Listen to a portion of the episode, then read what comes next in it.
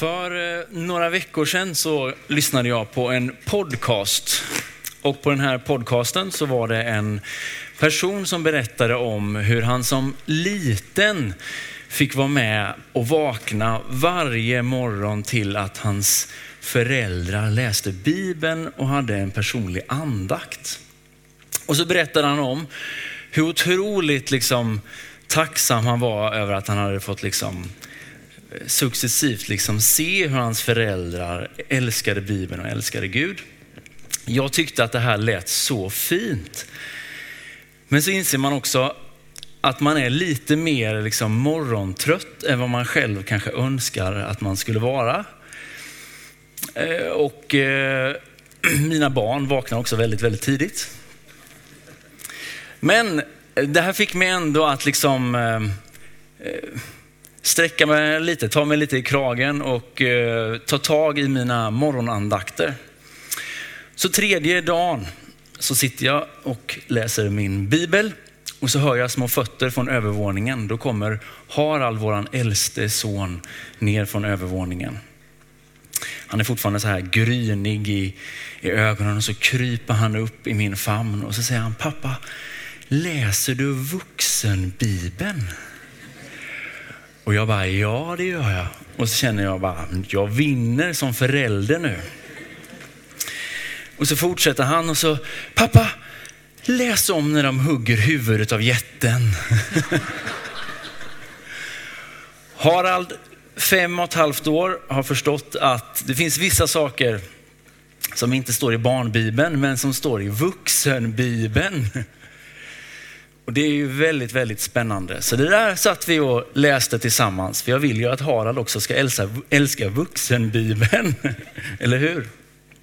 Faktum är ju att det finns en del saker i den här vuxenbibeln som faktiskt kan få oss att skruva lite på oss och som gör oss lite obekväma. Vi kan sänka min mick lite bara, Emanuel.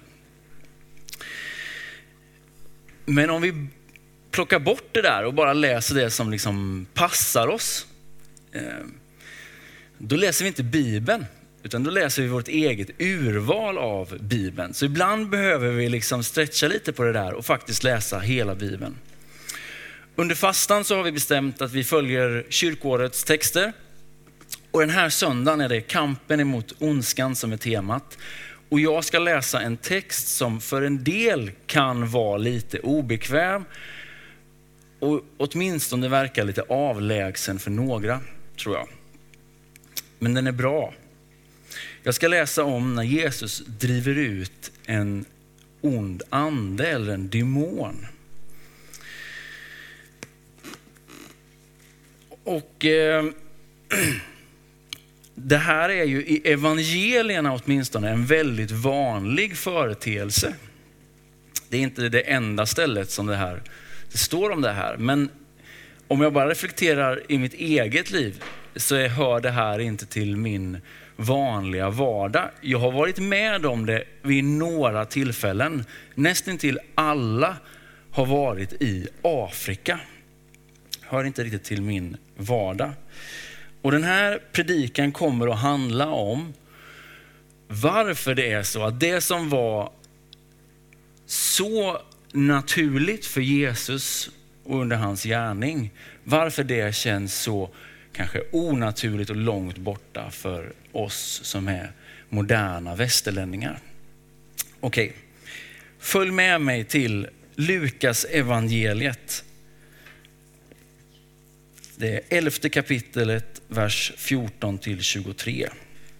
Där står det så här. En gång drev han ut en demon som var stum, alltså Jesus. När demonen får ut började den stumme tala och folket häpnade.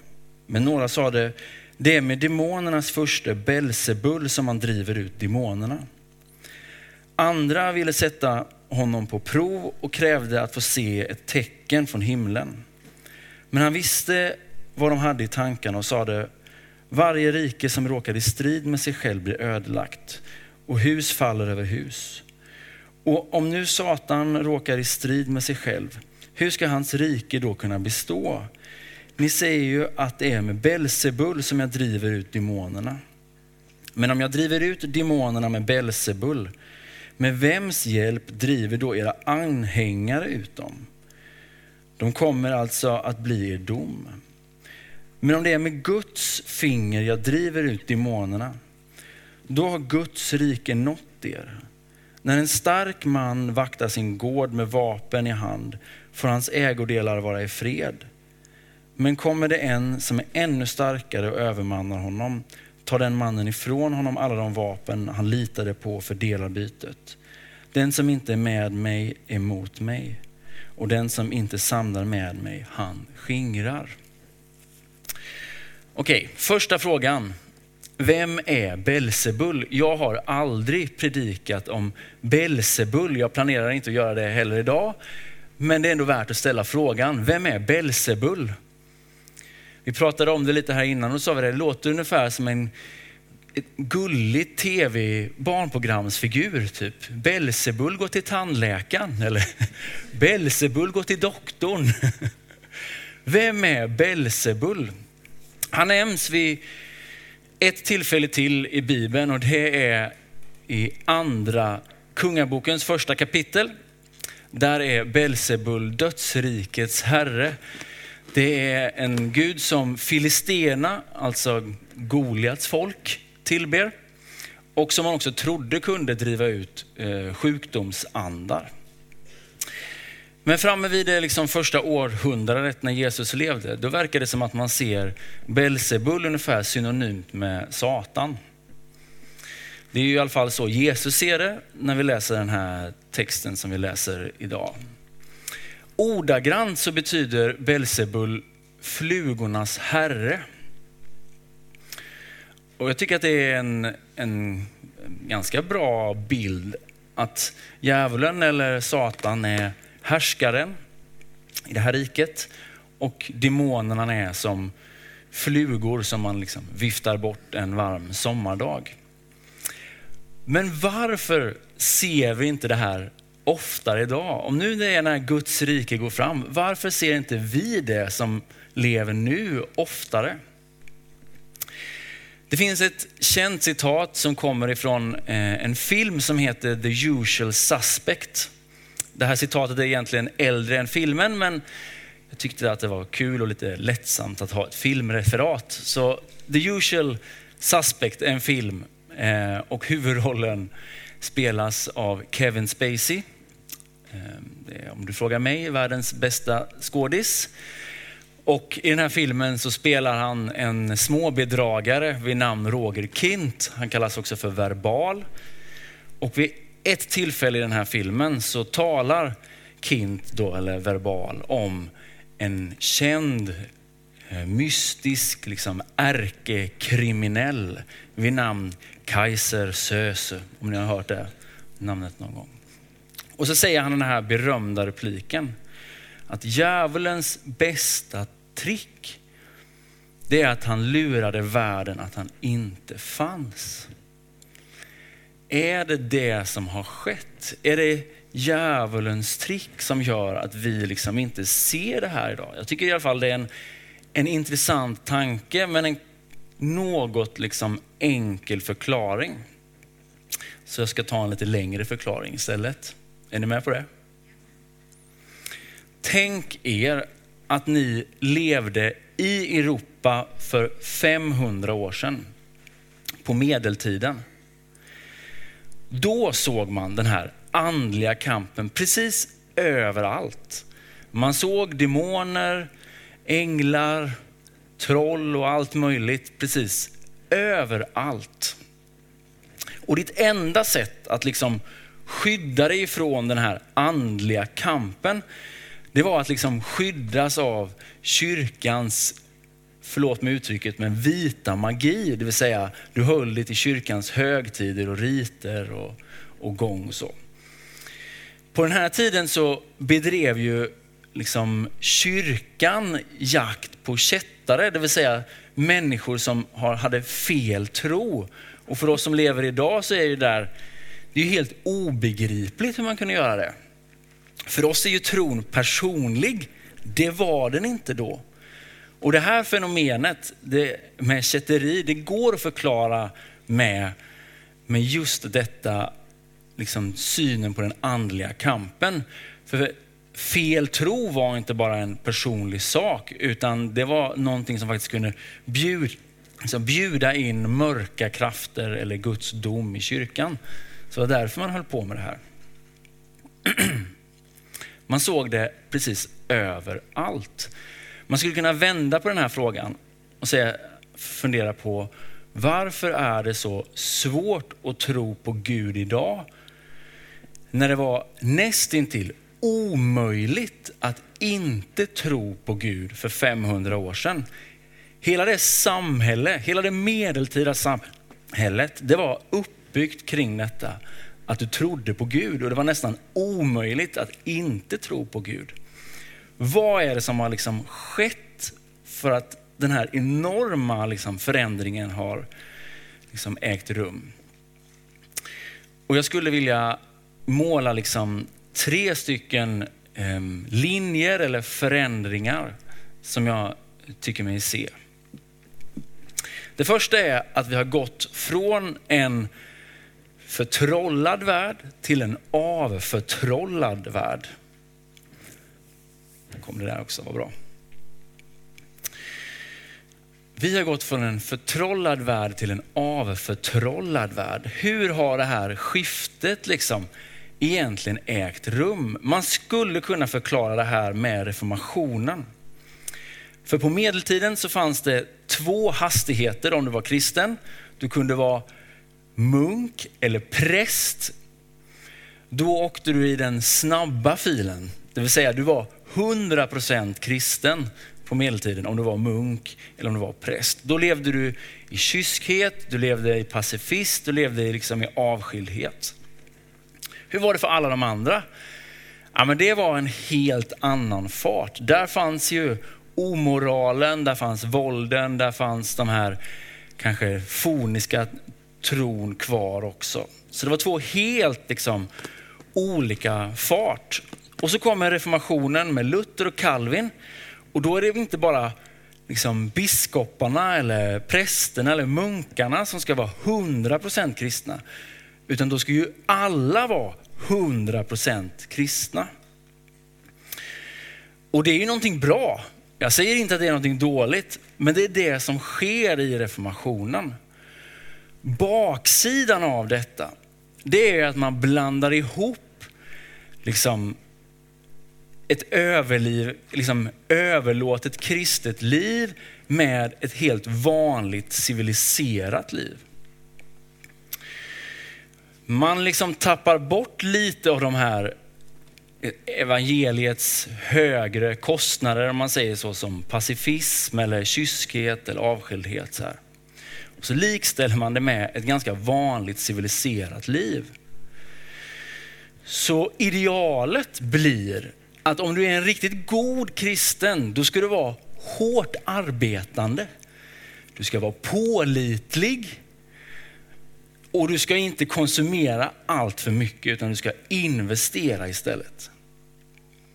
Är ni med på förändringen? Det blir idealet hur du är en god och trogen kristen. Det är egentligen att du blir en pålitlig medborgare.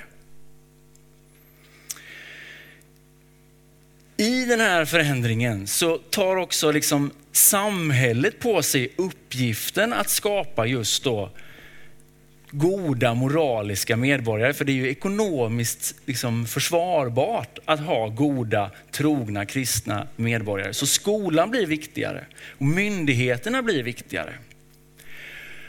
Så långsamt, långsamt sker liksom en förändring så att människor, eller fokuset blir mer och mer inomvärldsligt. Det är människan som upptäcker, utvinner, utforskar världen. Man går bort ifrån det här mystiska stora universumet till ett mycket mindre upptäckbart universum. C.S. Lewis, han eh, var en känd kristen författare men också en, en duktig medeltidskännare. Han sa så här att när medeltidsmänniskan liksom blickade ut i universum så såg hon ett uppvärmt, upplyst, fantastiskt universum som liksom resonerar fullt av musik medan den moderna människan blickar ut och ser bara tomhet och tystnad. Det är en del av den här förändringen som sker under, över väldigt, väldigt liksom, lång tid. Det är inte bara världen eller vår syn på världen som förändras, utan vår syn på Gud förändras också i och med det här. Och någonstans från typ 1700-talet så kan man härleda en, en ny slags sätt att liksom tänka kring Gud. Tidigare så har Gud varit en väldigt ingripande Gud, men nu blir Gud mer en eh, försörjande Gud. Den här förändringen kan man framförallt se inom liksom akademin och kring olika bibelvetare och filosofer. Men den har en otrolig liksom effekt på hur västvärlden relaterar till Gud. För han går ifrån att vara ingripande till att vara avvaktande. Om nu man upptäckte mer och mer med världen så börjar man se på universum som ett urverk ungefär. Urverkaren, eller urmakaren har varit där. Han har fortfarande skapat universum, men han har liksom dragit sig undan och universum liksom tickar på precis som det alltid gör. Guds liksom kraft behövs inte längre för att liksom upprätthålla universum, utan det går liksom av sig själv, av egen maskin. Och då är det också svårare liksom att förklara varför då den här urmakaren liksom från början tillät all ondska. Så det här tankesättet, det leder fram till förnekan av Gud, det leder fram till ateism.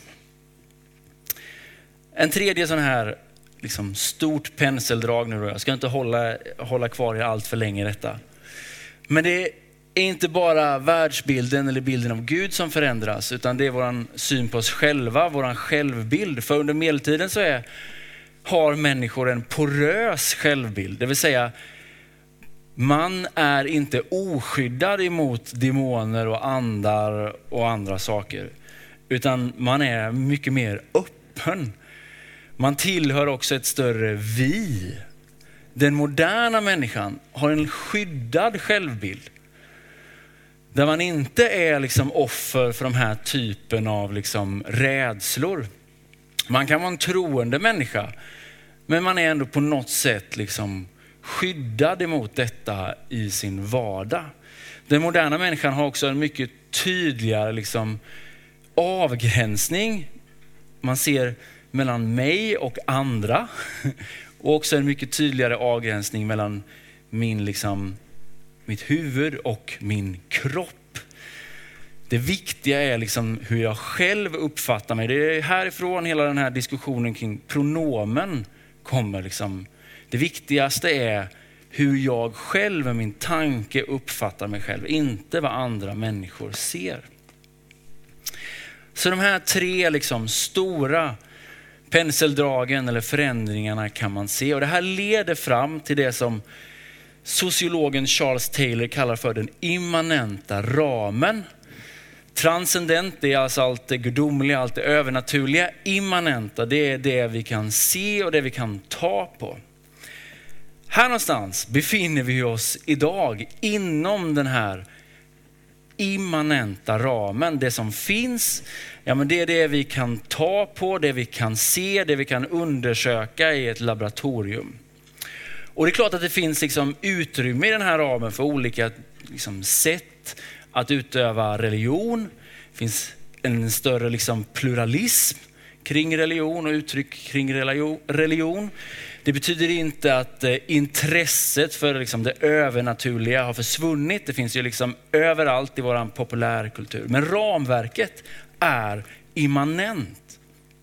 Det vill säga det är helt sekulärt. Vi är inte på något sätt egentligen öppna för övernaturliga saker. Det är det samhället som vi, vi finns i, det är där vi, liksom vattnet som vi simmar i skulle man kunna säga.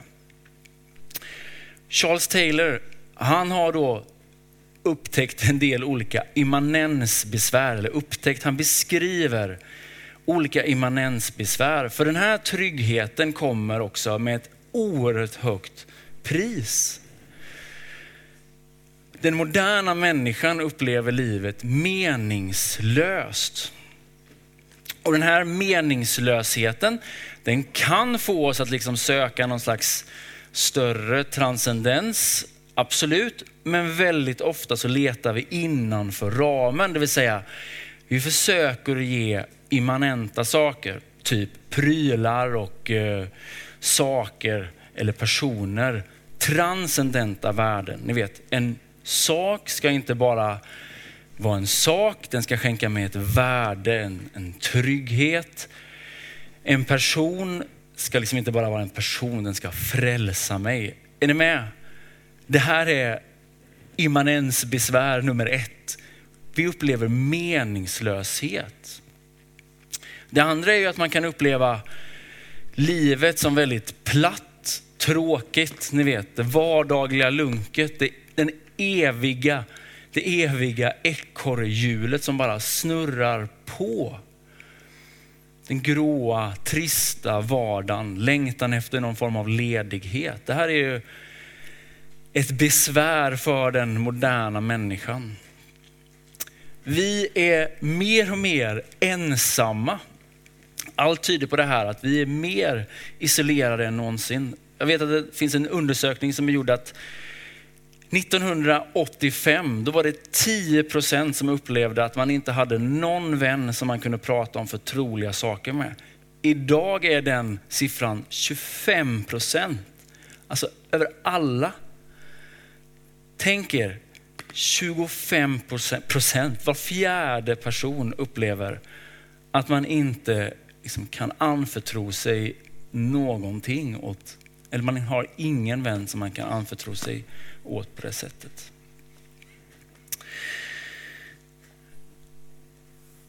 –1945 så skriver C.S. Lewis igen då en bok som heter Den stora skilsmässan. Det här är en fantasybok om himmel och helvetet.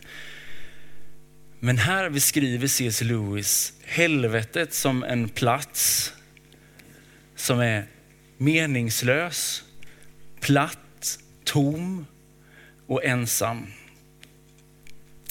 Han beskriver helvetet som en stor grå stad, en stor, nästan övergiven liksom, grå stad.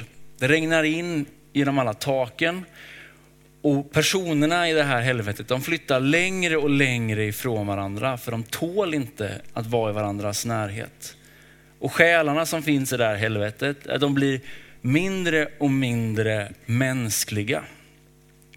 Och mer och mer ensamma.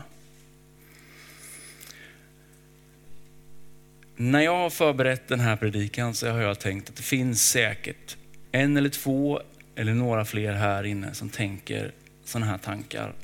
Varför ska jag leva? Varför är jag så uttråkad? Varför har mitt liv ingen mening? Varför är jag ensammast i världen? Och vet du vad? Djävulens största trick må vara att han har lurat världen att han inte existerar. Men vi känner igen djävulens verk med två olika aspekter. Det första är att han ljuger och det andra är att han binder.